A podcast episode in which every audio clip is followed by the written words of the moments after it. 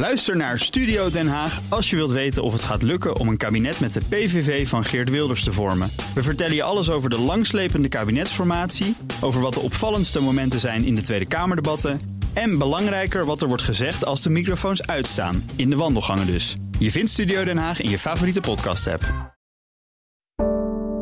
Een goedemorgen van het FD. Ik ben Paulien Suster en het is maandag 5 februari.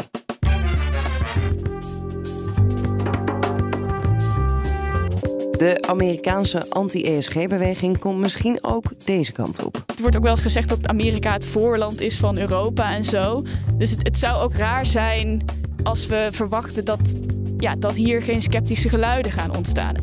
Beleggers zijn het vertrouwen niet verloren in fraudeverdachte Corina de Zij is zo goed en de enige misschien wel die uh, het geld alsnog terug kan halen. Ook door weer te gaan beleggen met het resterende geld dat over is. En de Europese industrie vreest voor zijn positie. De vraag is op dit moment een beetje van hoe goed is de Europese industrie gepositioneerd om naar deze tijden van verandering door te komen. Dit is de dagkoers van het FD. En voordat we het gaan hebben over ESG, eerst even dit. Wil je onze verhalen niet alleen luisteren, maar ook lezen? Probeer dan het FD vier weken voor slechts 1 euro. Ga naar fd.nl/slash dagkoers en meld je aan.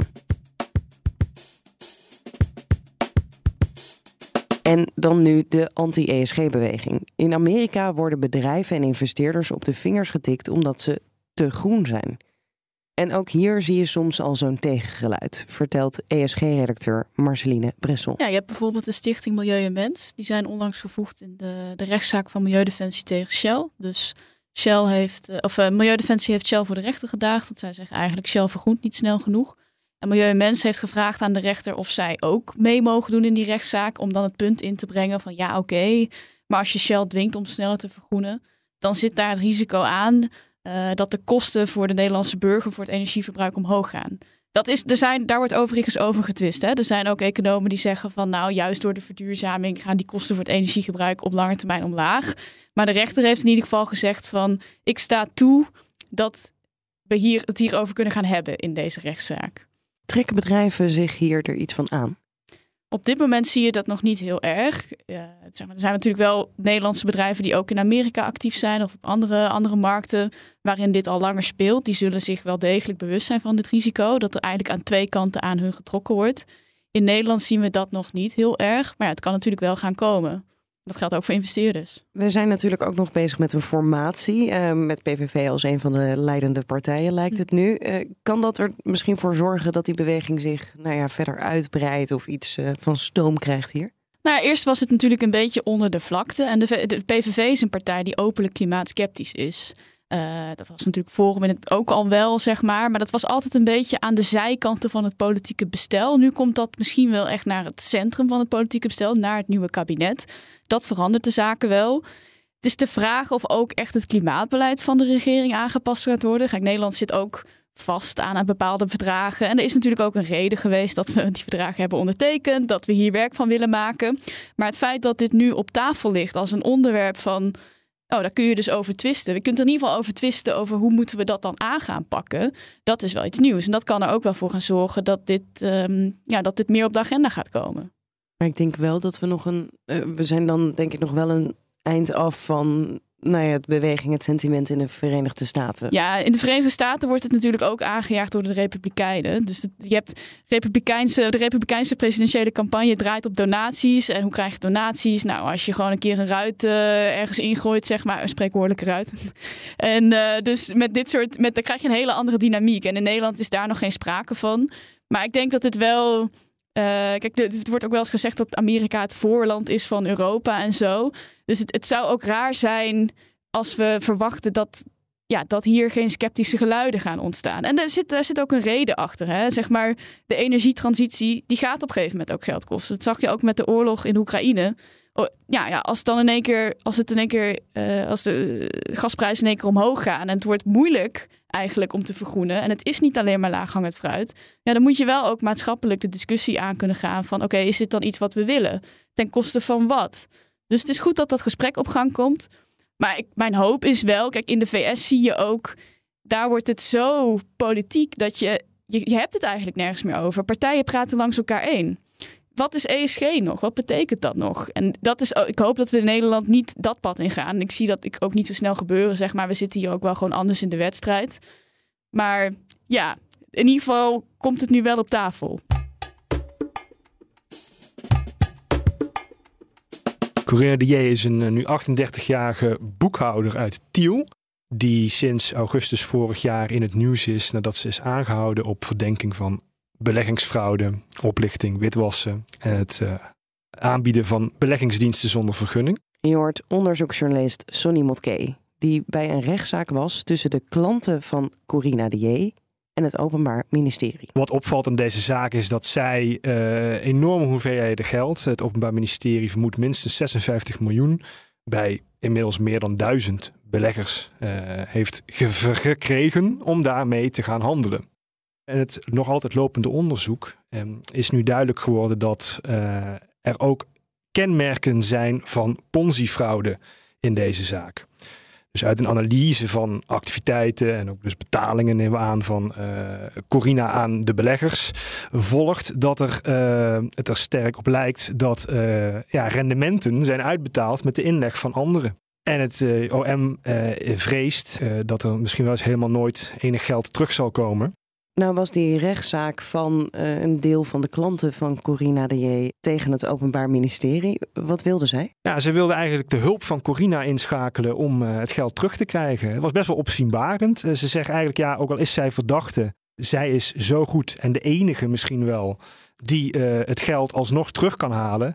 Ook door weer te gaan beleggen met het resterende geld dat over is. Mijn vraag blijft toch wel hoe hard en hoe reëel is dat? Want als het al echt beleggen was, wat het OM eigenlijk nog niet kan bevestigen, uh, heb ik toch ook wel begrepen, als het echte handel is, dat het vrij speculatieve handel is en dat het maar zeer de vraag is. Ik snap dat vanuit het perspectief van die cliënt zegt, het kan misschien niet meer kwaad, omdat het kwaad eigenlijk al geschied is, dus wie weet. Ja.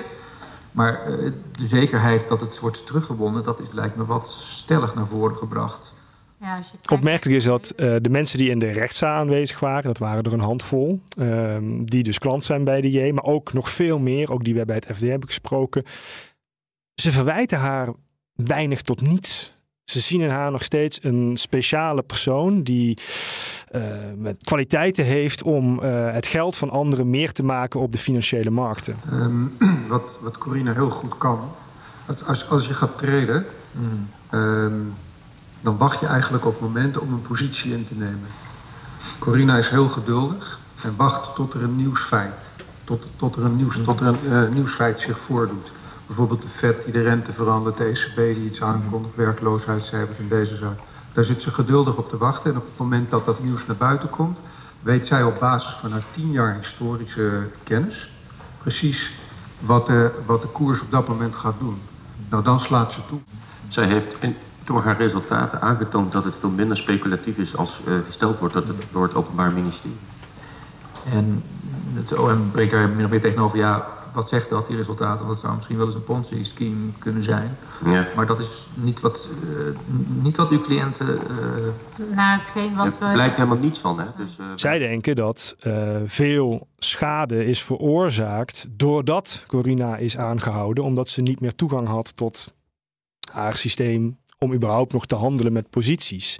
En ze verwijten het OM van ja, sindsdien zijn kosten gewoon door blijven lopen en trades, posities van beleggingen, die zijn niet afgesloten, terwijl de markten blijven gewoon fluctueren. Ja, maar zij zien eigenlijk Corina als een enorm goede handelaar en het OM als de schuldige die haar heeft tegengewerkt.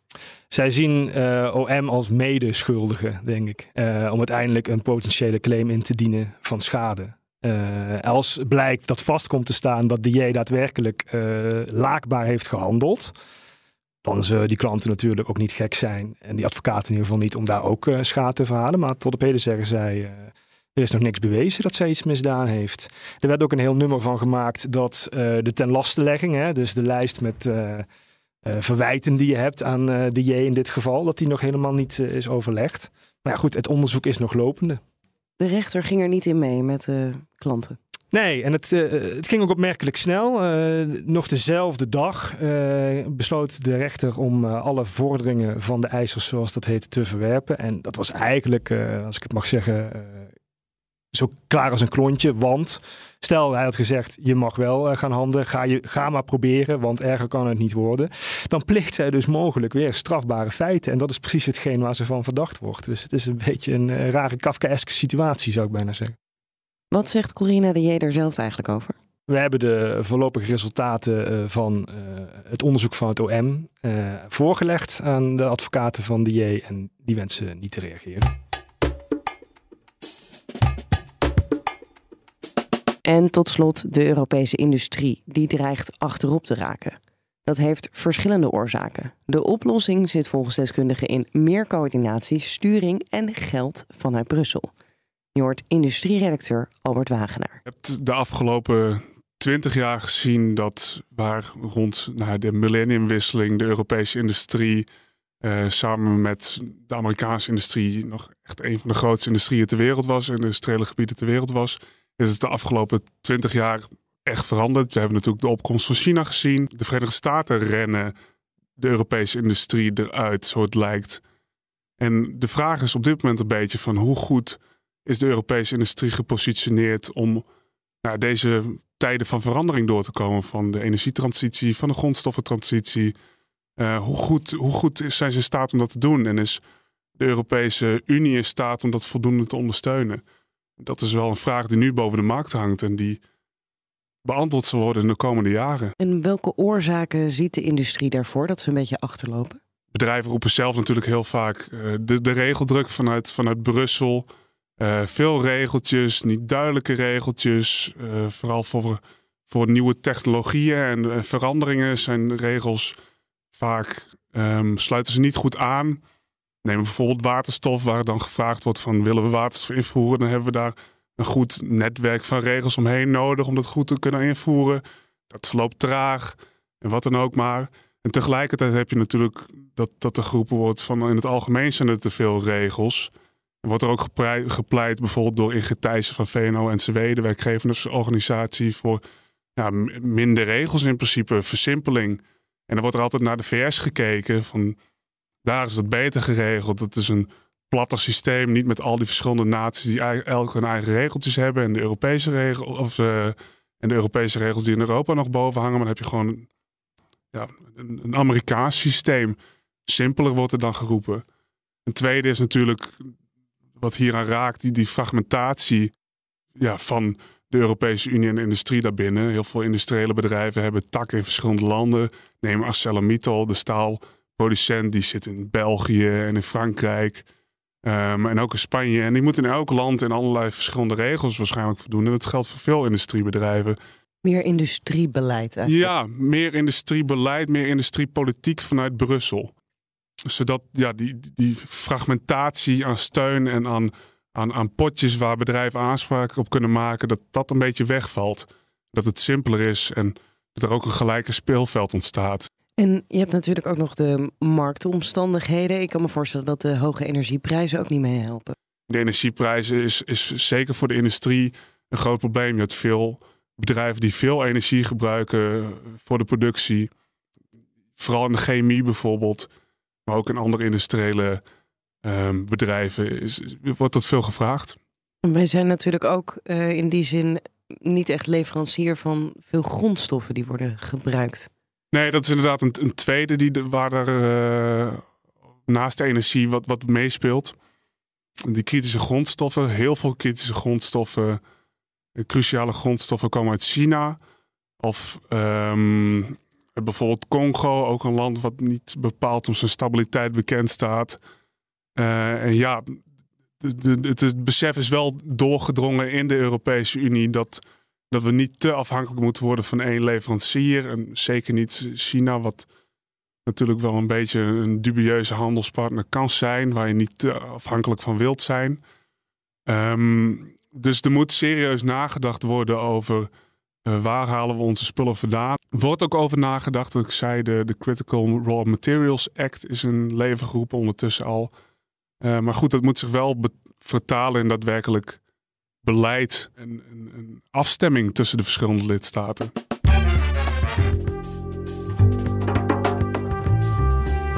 Dit was de dagkoers van het FD. Vergeet je niet op ons te abonneren in je podcast-app. Dan krijg je morgenochtend automatisch de nieuwste aflevering binnen. Een hele fijne dag en graag tot morgen.